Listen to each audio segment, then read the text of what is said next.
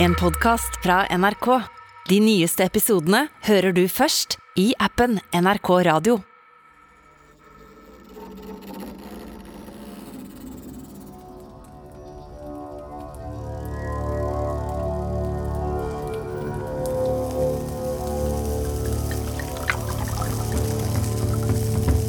Det er bryllupsfest i Trondheim.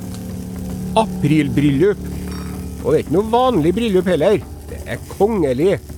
Søstera til kongen, kong Inge Bårdsson, har gifta seg med en av kongens nærmeste menn.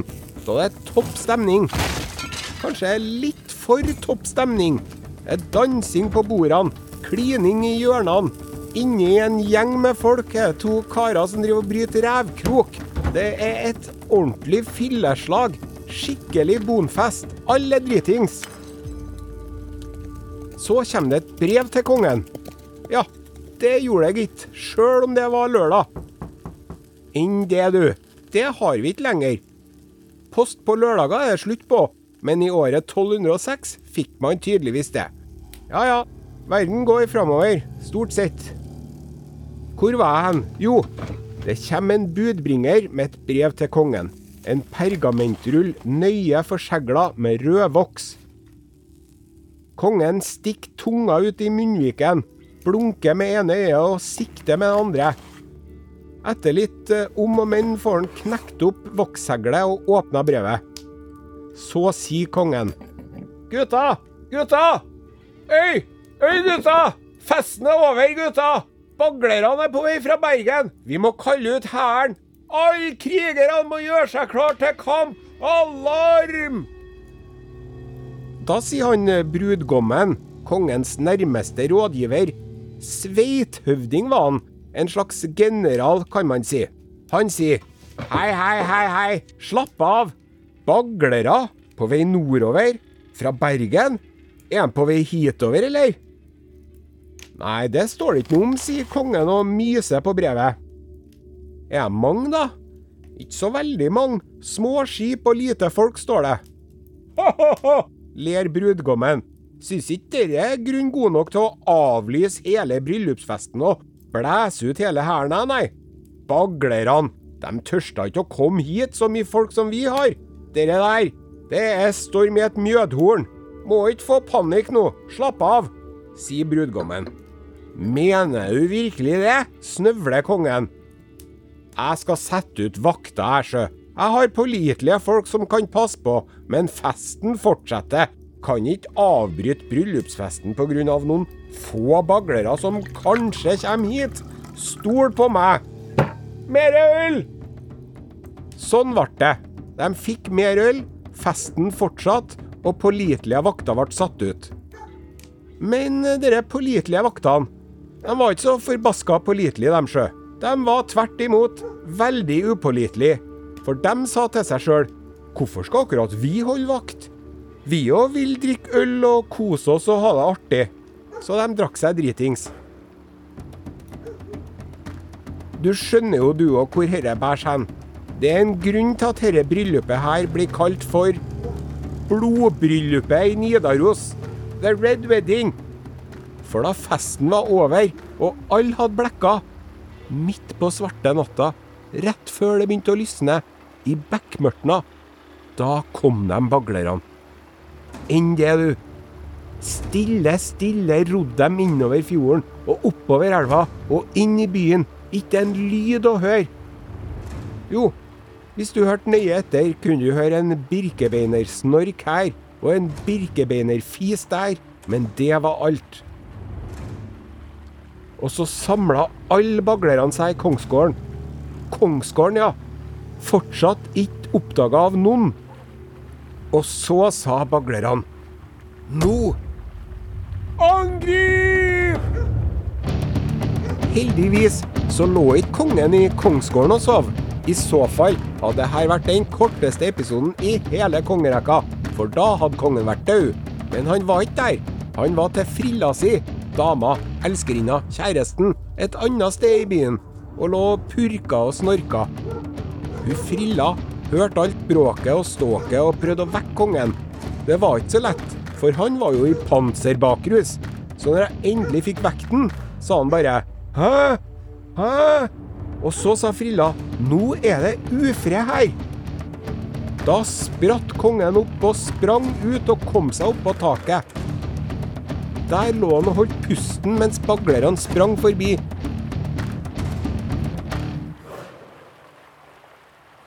Da det ble stilt i gata, kløyv jeg ned og sprang ned på bryggene og ute i elva. I bare nattserken. Mørke, kalde Nidelva. Jæven var kaldt, ja. Nå var nå han våken, i hvert fall. Så dreiv han nedover der i den strie strømmen, men kom seg endelig over. Kravla seg opp på land. Da var han så kald og frossen og medtatt at han klarte ikke å stå. Han bare datt ned på bakken. Da kom det en mann som het Ivar forbi. Hjelp meg, Ivar, hvesa kongen. Jeg må hjelpe meg sjøl først, jeg, svarte Ivar og for av gårde. Så det er jo ingen i sagaen som er noe spesielt imponert over han. Ivar, din feiging. Feig-Ivar. Nå håper jeg du angrer deg. Men så kom det noen andre og fant kongen liggende, halvdød av kulde omtrent. Og de fikk lagt over noen klær og båret den unna og oppover og bortover, ut av byen.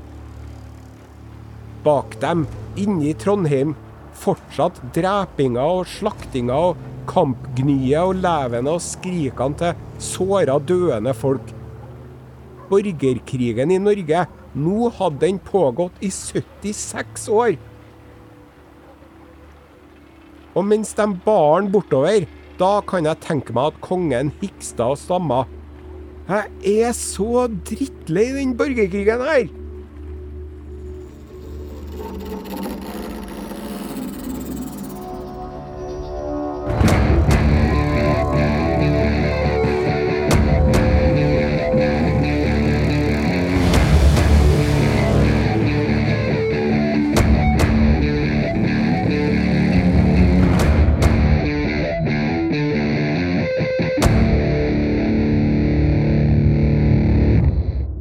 Hører Kongerekka med Are Sende Osen, sesong tre.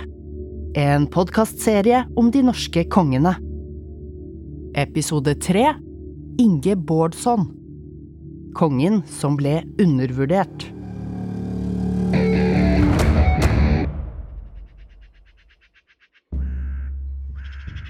Etter at eh, først kong Håkon Sverreson eh, trutna i hjel, og så barnekongen Guttorm døde av mystiske, stikkende smerter i 1204, spurte birkebeinerne seg sjøl hvem skal bli konge av Norge nå?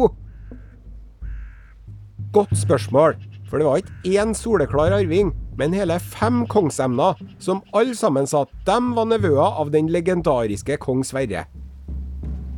Og den ivrigste nevøen, det var gale Håkon Galen. Han hadde allerede ansvar for hird og hær. Mæ, mæ, å, å, mæ, sa gale Håkon. Jeg vil være kung av Norge! Og birkebeinerne i hird og hær, de sa kjempeidé, Håkon Galen er mannen. Han er en skikkelig tøffing, og det trenger vi nå som dere forbaska baglerne er tilbake på banen. Da er vi enige alle sammen. Håkon Galen blir kong. Epp, epp, epp, epp, epp, sa erkebiskopen. Nå gikk det veldig fort i svingene her. Jeg vil ikke ha en gale Håkon Galen som konge. Han er vrang og en kranglefant, og dessuten altfor svensk.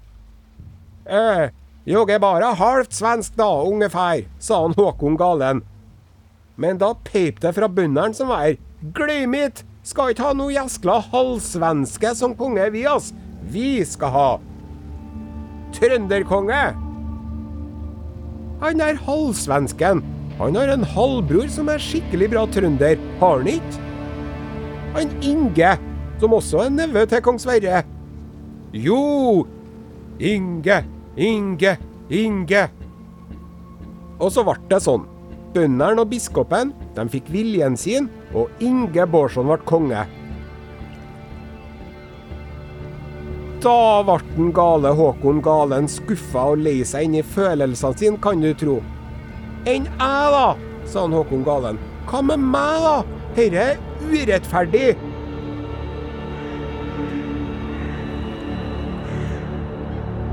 Men som plaster på såret, så skulle den gale Håkon, han skulle få bli jarl, altså nestkommanderende i hele riket, og høvding over hæren og halve kongeriket.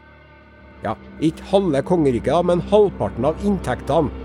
Det var plasteret sitt.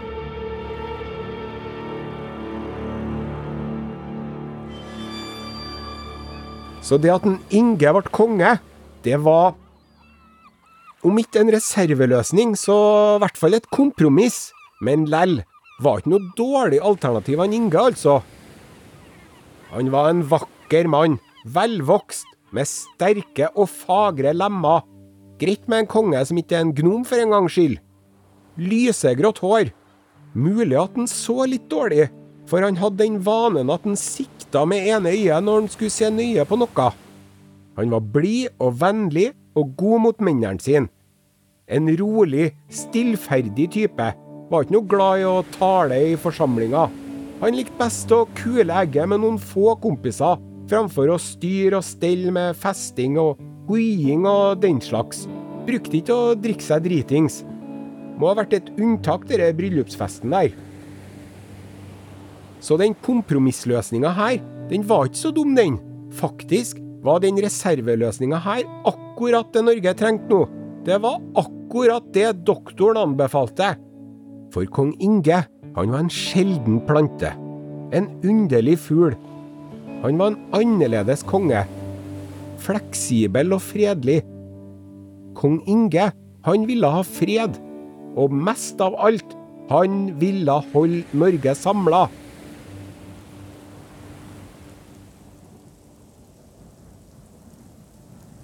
Det å holde fred, det var ikke noe lett oppgave. For baglerne, de godtok ikke at en Inge skulle være enekonge. De hadde sin egen konge, dem. Først en fyr de kalte Erling Steinvegg, fordi at han hadde falt ned en steinvegg en gang og brekt foten. Og så, da han Erling Steinvegg ble sjuk og daua, da tok de til konge en fyr de kalte Filippus Simonsson. Så det prosjektet til kong Inge om å holde fred og Norge samla, der var han kjerringa mot strømmen, gitt. Det hjalp ikke at en kong Inge ville ha fred, når både baglerne og halvbroren Gale Håkon Galen ville ha krig. Over hele landet var det ufred og kriging mellom baglere og birkebeinere. Det var trasig, rett og slett.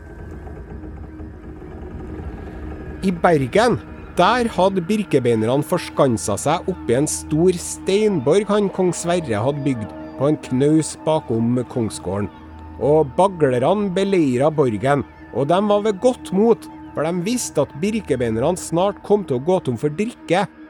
Og det visste jo birkebeinerne òg, så de drev og forhandla, da. Dersom at det, hvis som at det, de overga seg, kom de til å bli drept hele gjengen da, eller? Og så var jeg litt fram og tilbake med det, men til slutt så bestemte han baglerkongen, Filippus, at hvis de ga seg og kom ut, så skulle de få grid, altså bli benåda. Ikke bli drept.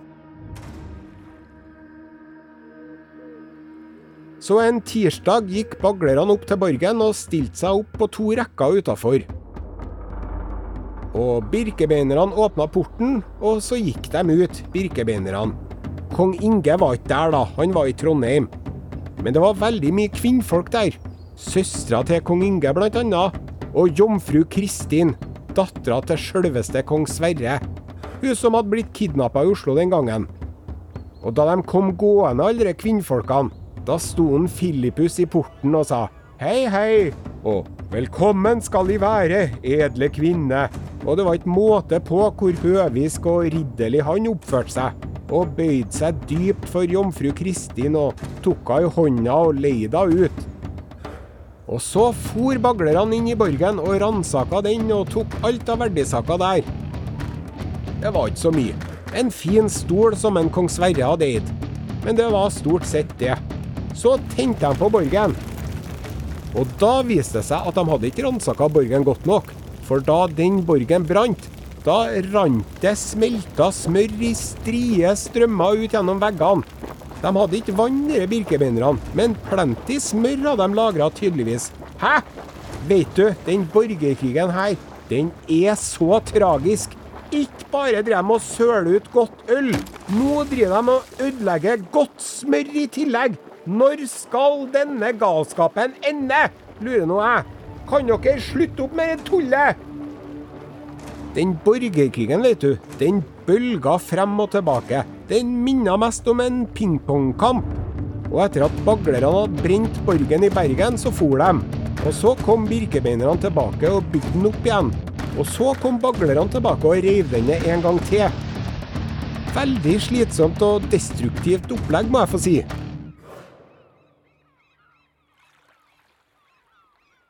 Etter at de hadde holdt på med det tullet her i noen år, var det tydeligvis eh, klokere hoder som vant fram, for etter mye forberedelser og brevsendinger og diskusjoner fram og tilbake, ble de enige om at de skulle møtes til fredsforhandlinger.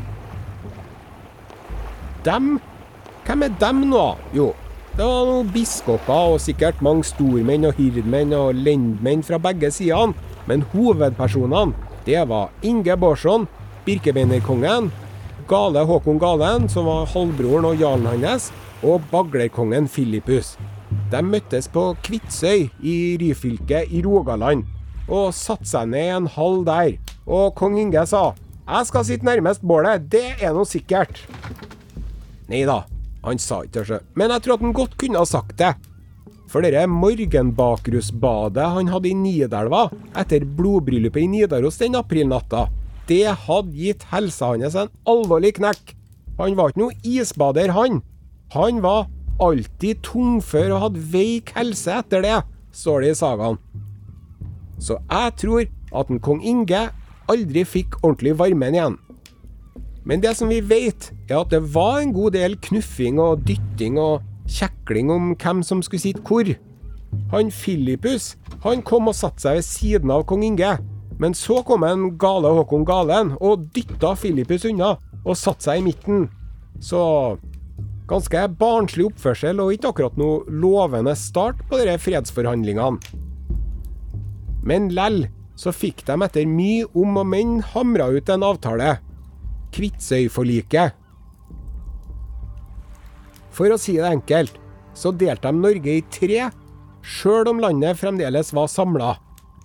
Baglersjefen Filippus skulle få styre Østlandet, Gale Håkon Galen skulle få styre Vestlandet, og kong Inge skulle ha resten. Og bare Inge skulle kalle seg konge. Ingen andre. Ikke Gale Håkon, ikke Filippus. Det var ikke så lett å få en Filippus til å gi slipp på kongsnavnet, så for å få han til å bli med på opplegget, så sa de at eh, enn hvis du får gifte deg med jomfru Kristin, hun som du så galant geleida ut av borgen i Bergen her for litt siden. Hva sier du da? Det syntes en Filippus var en kjempeidé. Hun jomfru Kristin var ikke like begeistra, da. Hun mente at hvis hun skulle gifte seg med noen, så skulle hun nå være med en konge, ja. Da var det en av biskopene som hviska inn i øret til Kristin. Ja, men eh, kanskje han Filippus kan fortsette å kalle seg konge lell? Og så sa jomfru Kristin OK, da. Og dermed ble det fred mellom baglerne og birkebeinerne. Kong Inge sverga en forliksed, og så Gale Håkon, og så Filippus, og så alle de viktigste lendmennene og stormennene. Oppdrag utført. Jæven, nice! Og alle sammen var kjempefornøyd. Bortsett fra jomfru Kristin, som måtte gifte seg med en som ikke var konge, og Filippus, som måtte gi fra seg kongsnavnet, og en Gale Håkon, som fortsatt ikke var konge, og en kong Inge, som nå var skikkelig konge over bare en tredjedel av Norge. Men sånn er det med politikk, og så lenge ingen er fornøyd, så kanskje det er en løsning alle kan leve med. Time will show.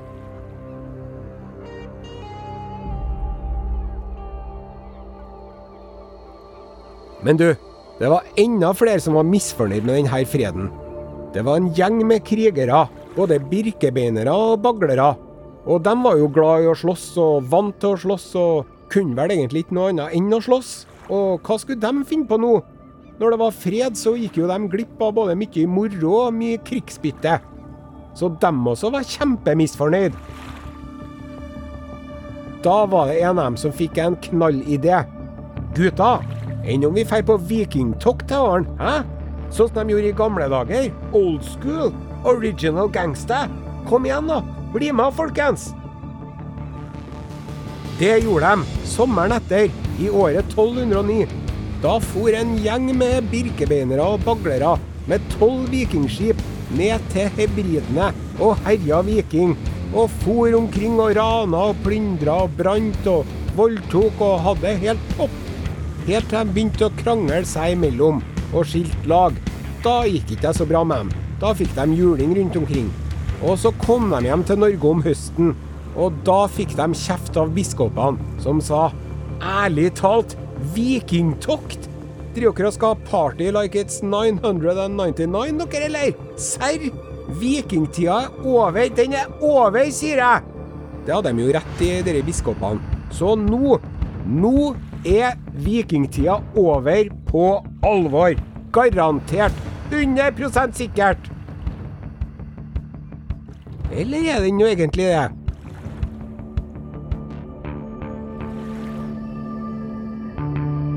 Jepp, jepp. Han kong Inge, han hadde klart det ingen av de ti kongene før han hadde klart. Han hadde fått fred i landet. Bra jobba, kong Inge. Men hjelpes meg, det var en skjør fred. Han balanserte på en knivsegg, han kong Inge. Problemene tårna seg opp. Det var trøbbel med den gale halvsvenske halvbroren, for han gale Håkon Galen, gal som han var, var jo ikke han fornøyd med å være jarl og hærleder og ha kontroll over hele Vestlandet. Så gale Håkon drev og snakka med alle han fikk tak i, om at han òg burde være konge. Hvorfor får ikke jeg være konge? Jeg òg vil være konge, og jeg har da like stor rett til å være konge som bror min. Jeg vil være konge. Og det var et salig mas og ikke fred å få. Og kong Inge fikk jo høre om det her, for han Håkon for ikke akkurat stilt i dørene med det kongsmaset sitt.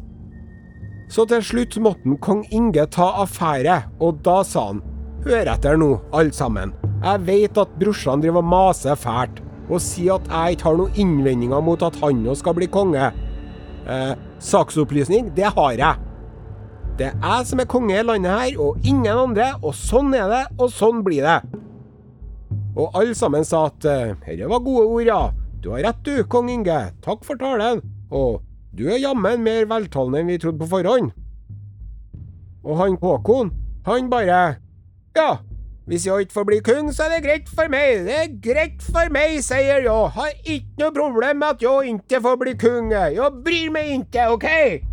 Men det var jo ikke sant, sant? Han gale Håkon Galen, han var jo gal etter å bli konge, han. Så da kong Inge hadde sagt at ingen andre skulle være konge så lenge han levde, da sa han Håkon Enn når du er død, da? Og så fikk Håkon krangla og skreket seg til en avtale om at den som levde lengst av dem to, skulle arve riket etter den andre og være konge. Og den avtalen her så jo ut som en gavepakke for Håkon, siden kong Inge var ganske skrøpelig fysisk, mens en Håkon var i toppform fysisk. Og så var det trøbbel med den tidligere baglerkongen Filippus nede på Østlandet. Han skulle jo slutte å kalle seg for konge. Det må han ha glemt, så han kalte seg konge lell. Og herre var jo også som en rød klut for den gale Håkon. Her hadde jo broren nettopp sagt at det er bare én konge i Norge, altså han, kong Inge. Men så er det en annen fyr som også kaller seg konge, og det er ikke Håkon. Så Håkon drev og masa og sutra og bar seg over dette helt til kong Inge ga seg og sa OK, da, og sendte et brev til en Filippus og spurte Du, skulle ikke du slutte å kalle deg for konge, du, si meg? Da svarte en Filippus vennlig tilbake at jeg er ikke ute etter å bryte avtalen vår, men jeg kan jo ikke akkurat forby folk å kalle meg det de vil heller, kan jeg vel? Han kong Inge ga blaffen i det der, han, og mente at en Filippus kan jo kalle seg hva han vil, men jeg har nå tatt fra han kongsnavnet, og om han nå driver og kaller seg konge lell, så er det noe mest flaut for han. Det viktigste for kong Inge var freden i landet, og han strakk seg langt for den. Jeg tror han syntes det var en krevende jobb å være konge, men han hadde heldigvis noen han kunne stole på. Han hadde tre bestekompiser. De var alltid med han. Og den beste kompisen av alle, det var en mann som het Pål. Pål Drottsæte kalte de han. Og Drottsæten, han hadde ansvaret for den kongelige husholdninga, og han var sjef for vaktholdet til kongen. Butler og livvakt i ett. Og Inge og Pål, de var De var nær. De sov i samme senga, gjorde dem. Ikke dermed sagt at det var noe hanky-panky mellom dem. Det var ganske vanlig ordning, det der, med faste sengekamerater på den tida. Og han frossenpinnen Inge kanskje bare ville ha noen til å varme seg mot på kalde vinterkvelder. Er ikke noe galt med det. Hadde for øvrig ikke vært noe galt om de kosa seg litt sammen om kveldene heller, mener nå jeg, men jeg tror ikke at de gjorde det. Men i hvert fall, gode venner, nære venner, bestiser. Helt til en kveld kong Inge hadde lagt seg allerede, og så sa han Kjem du snart, Pål? Jeg er så kald på tærne. Der kjem du, ja. Bra. Neimen, Pål, Pål, hva har du i hånda? Har du en kniv i hånda? Slipp kniven, sier jeg! Gutta, hjelp! Og så klarte han kong Inge å holde fast i knivhånda til de andre ilte til, og tok fram Pål kniven. Og de andre ville drepe han. Men kong Inge sa 'ikke drep en Pål'. Og så dytta jeg en Pål ut av rommet. Og så måtte nå han ordne seg en ny jobb, for han var nå verken drottsete eller sengevarmeren til kong Inge lenger. Men kong Inge sa at ingen må si noe om dette til noen før jeg gjør det sjøl.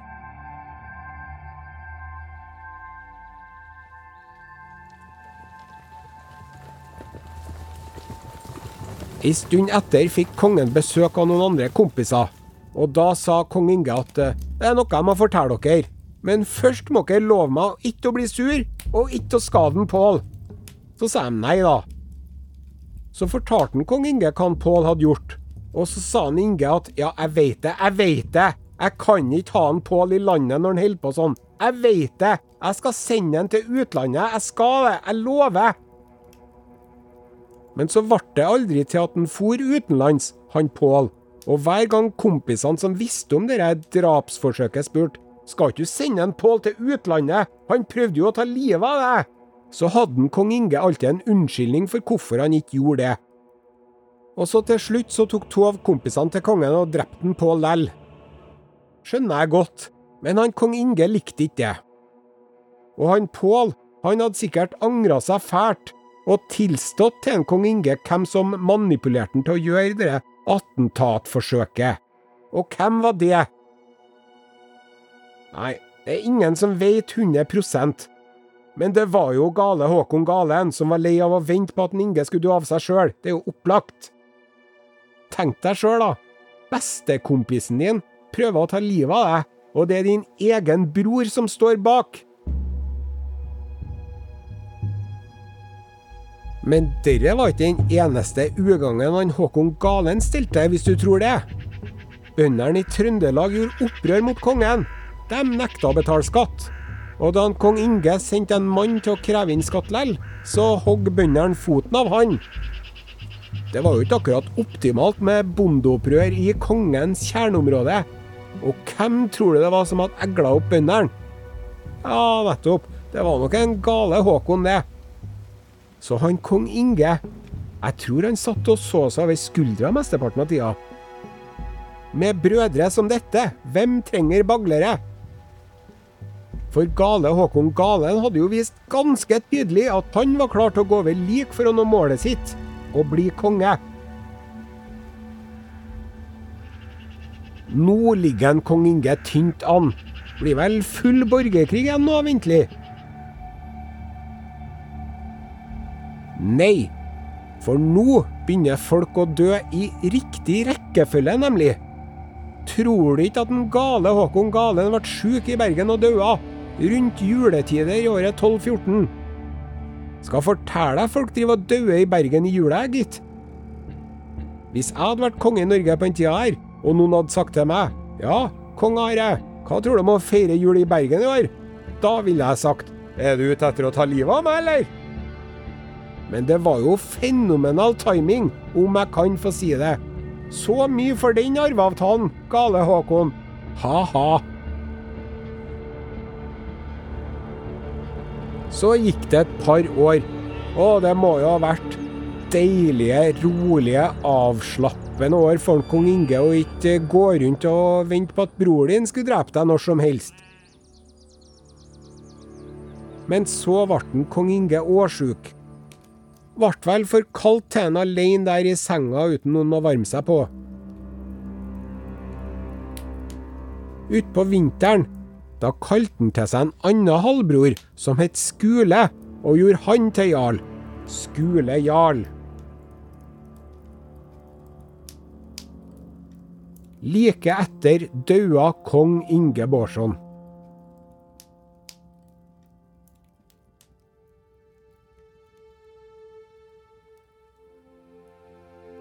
Kong Inge han var konge i Norge i 13 år.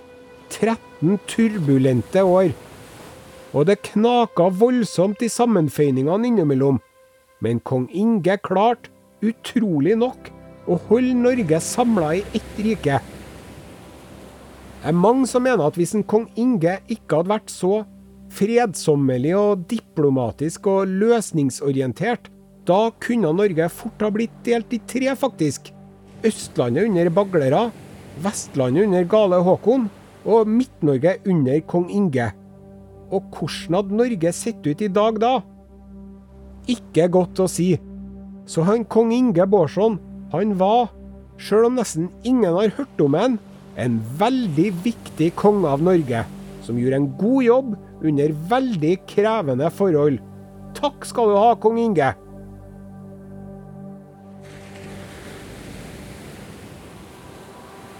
Så Håkon Galen er død. Kong Inge er død. Da er det bare én igjen, da. Filippus, baglerkongen. Er det han som blir konge nå, da? Jo da, han Filippus han er klar som et egg, han. Nå vil han bli konge over hele Norge. Så han sender et brev til birkebeinerne om at uh, Hallo, gutter. Nå er det vel min tur.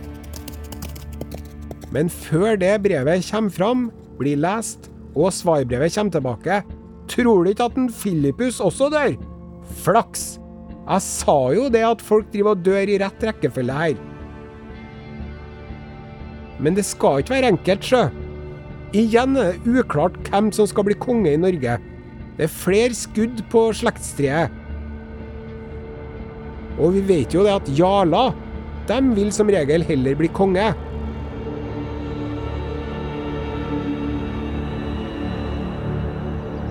Men du, overraskelse! Vi har en skikkelig eventyrlig konge på lur nå. Bare vent!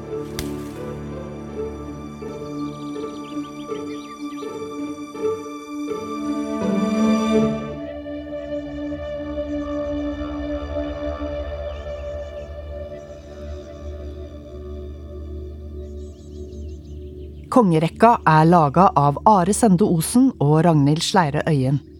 Historisk konsulent er Randi Bjørsol Verdal, og musikken er av Synkpoint. Redaktør er Line Gevelt Andersen. Neste episode handler om Håkon Håkonsson, kongen som tok Norge til toppen.